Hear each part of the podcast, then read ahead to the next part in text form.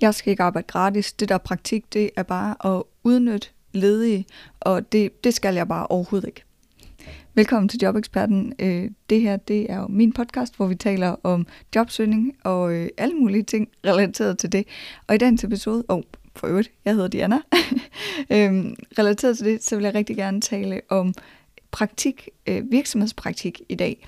Og inden at vi dykker ned i det, så vil jeg godt lige fortælle jer, at jeg har oprettet en ny Facebook-gruppe, øh, som hedder øh, Facebook-groups-jobeksperten. Øh, jeg lægger et link i show notes, hvor at du kan øh, komme ind og være med. Og ideen er egentlig at skabe et netværk, hvor vi kan hjælpe hinanden, og hvor også at vi øh, kan få øh, netværket med folk, der er i job, og skabt nogle gode kaffemøder og nogle gode muligheder. Så øh, ja, bare generelt få skabt et rigtig godt netværk for, øh, for både jobsøgende og folk, der er gået i job. Så øh, hop ind og vær med, hvis du har lyst. Så vi dykker ned i det her med øh, at komme i virksomhedspraktik. Og øh, jeg forstår udmærket godt de her mennesker, som siger, jeg vil ikke arbejde gratis, det er bare øh, totalt svind og humbug, og det er folk, der udnytter systemet, og det ene og det andet der træder.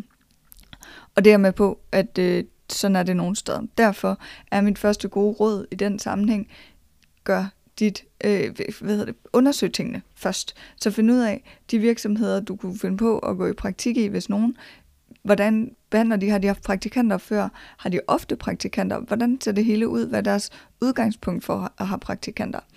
Jeg ser det her med praktik på to områder.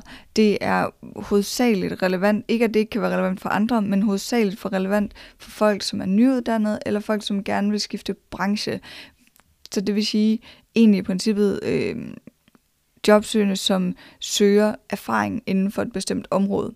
Og derfor er praktik jo øh, oplagt, en oplagt måde at få den her erfaring på, så fordi hvis man går til øh, jobsamtale på jobsamtale og får at vide, jamen du har ikke erfaring nok, så, øh, så er man nødt til at finde den der erfaring et eller andet sted, og det kan man jo netop gøre igennem en virksomhedspraktik. Jeg har to synspunkter på det her med, eller jeg synes, der er to typer af måder at gå i praktik på. Det første er, at man finder en virksomhed, som er stor nok til øh, og rent faktisk har mulighed for at ansætte en. Så det vil sige, her kan man kigge på praktikken som en forlænget ansættelsessamtale, øh, hvor man ligesom kan gå ind og kigge på, jamen kan vi arbejde sammen? Passer jeg ind i virksomheden? Synes virksomheden, jeg er interessant? Øh, er det, hvad du troede, det var? Eller vil være, øh, både, både selve opgaven, men også selve virksomheden. For nogle gange kan det også være, at man har en idé om, det kan jeg i hvert fald huske fra da jeg var nyuddannet, øh, jeg havde en idé om, hvad alle de her forskellige typer stillinger, de indebar, og nogle gange så var det bare sådan helt ved siden af. så det der med rent faktisk at finde ud af, hvad indebærer det at arbejde som den her øh, stillingsbetegnelse? Øhm, og så gå ind i det med sådan en, jamen, vi regner med, at efter den her praktik, så, så er der en ansættelse. Hvis vi kan finde ud af det sammen, så vil der være en ansættelse.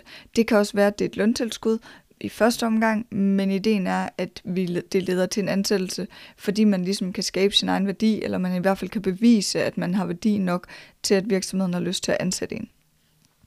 Det er sådan den, den gængse, tænker jeg, måde at se på virksomhedspraktikken på. Den anden måde at se på virksomhedspraktik på, det kan være muligheden for at opnå de her erfaringer, som jeg snakkede om lige før.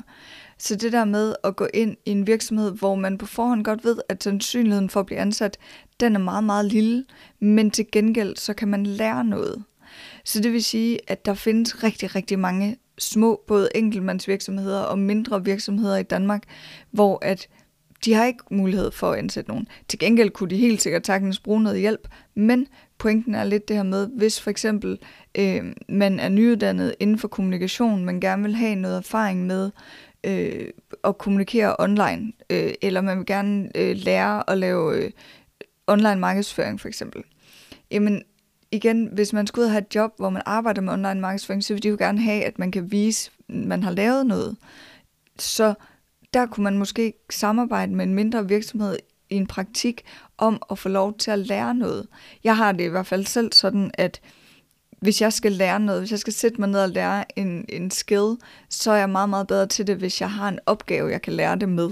Så det vil sige, hvis du tager fat i en lille virksomhed, som som øh, godt kunne bruge at få hjælp til noget online markedsføring for eksempel, og du vil helt vildt gerne lære det, jamen så kan I lave det her samarbejde, hvor at du får mulighed for at dykke ned i nogle, øh, nogle kurser for eksempel, og sådan nogle ting, og måske er der endda råd til fra den her virksomheds side at betale nogle kurser for dig i mindre grad, men ellers dermed, at at du får muligheden for at sætte dig ned og undersøge, om, hvordan er det Instagram virker, hvad er det, der er vigtigt i den algoritme, her kan jeg teste, her kan jeg lære noget, og i den anden ende, så har jeg faktisk noget, jeg kan vise til en potentielt kommende arbejdsgiver. Og så kan man sige, at den anden del, del i det er jo også, at det kræver også noget, når man går i virksomhedspraktik, det kræver altså også noget for virksomheden. Så det der med, når man siger, at det er bare øh, gratis arbejdskraft, Øhm, nej, fordi uanset, så kræver det også noget for en virksomhed at ansætte dig i en praktik. Der skal noget med eventuelt en computer stilles til rådighed, du skal oprette systemerne, du skal alle de her ting, der skal være en, der sætter dig ind i virksomheden. Så det tager både tid og ressourcer. Så det er også en afvejning for virksomheden. Jeg ved godt, jeg er med på, at der er virksomheder, der gør det, og øh, shame on them. Det skal ikke være en del af en forretningsmodel, at man bare kan tage virksomhedspraktikanter ind. Men der kan bare være situationer, hvor det kan være en win-win, selvom der ikke er mulighed for at ansætte bagefter.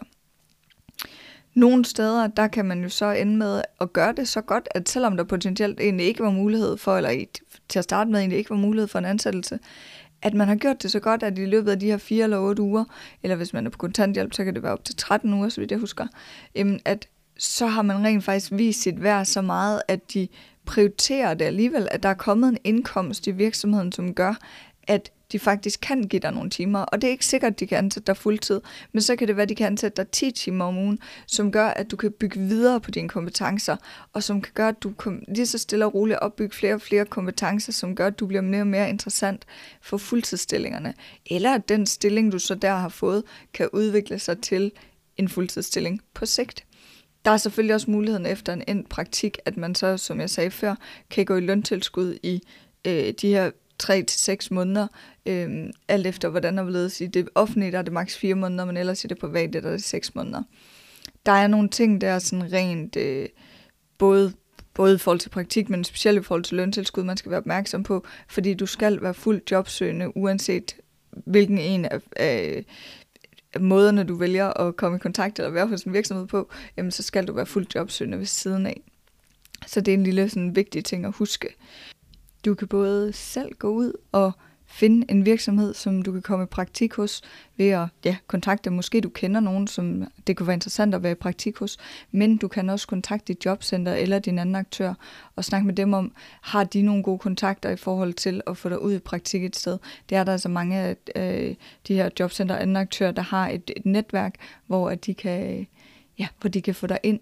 Så det er i hvert fald en mulighed, du har så hvis det er sådan, du tænker, det her er interessant, interessant, så tag fat i din jobkonsulent, om du er hos en anden aktør, eller du er hos øh, et jobcenter, eller din A-kasse eventuelt. Tag fat i dem og spørg. Du er selvfølgelig også meget velkommen til at tage fat i mig. Jeg kan godt øh, guide og hjælpe.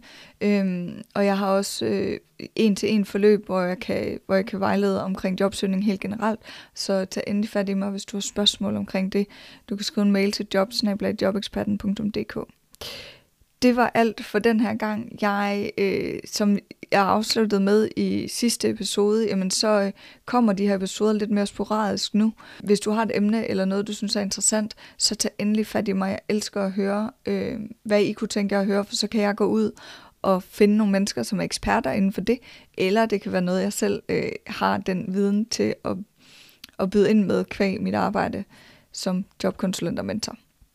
Så have en helt fantastisk jobsøgning, og øh, ja, god jobjagt. Hej.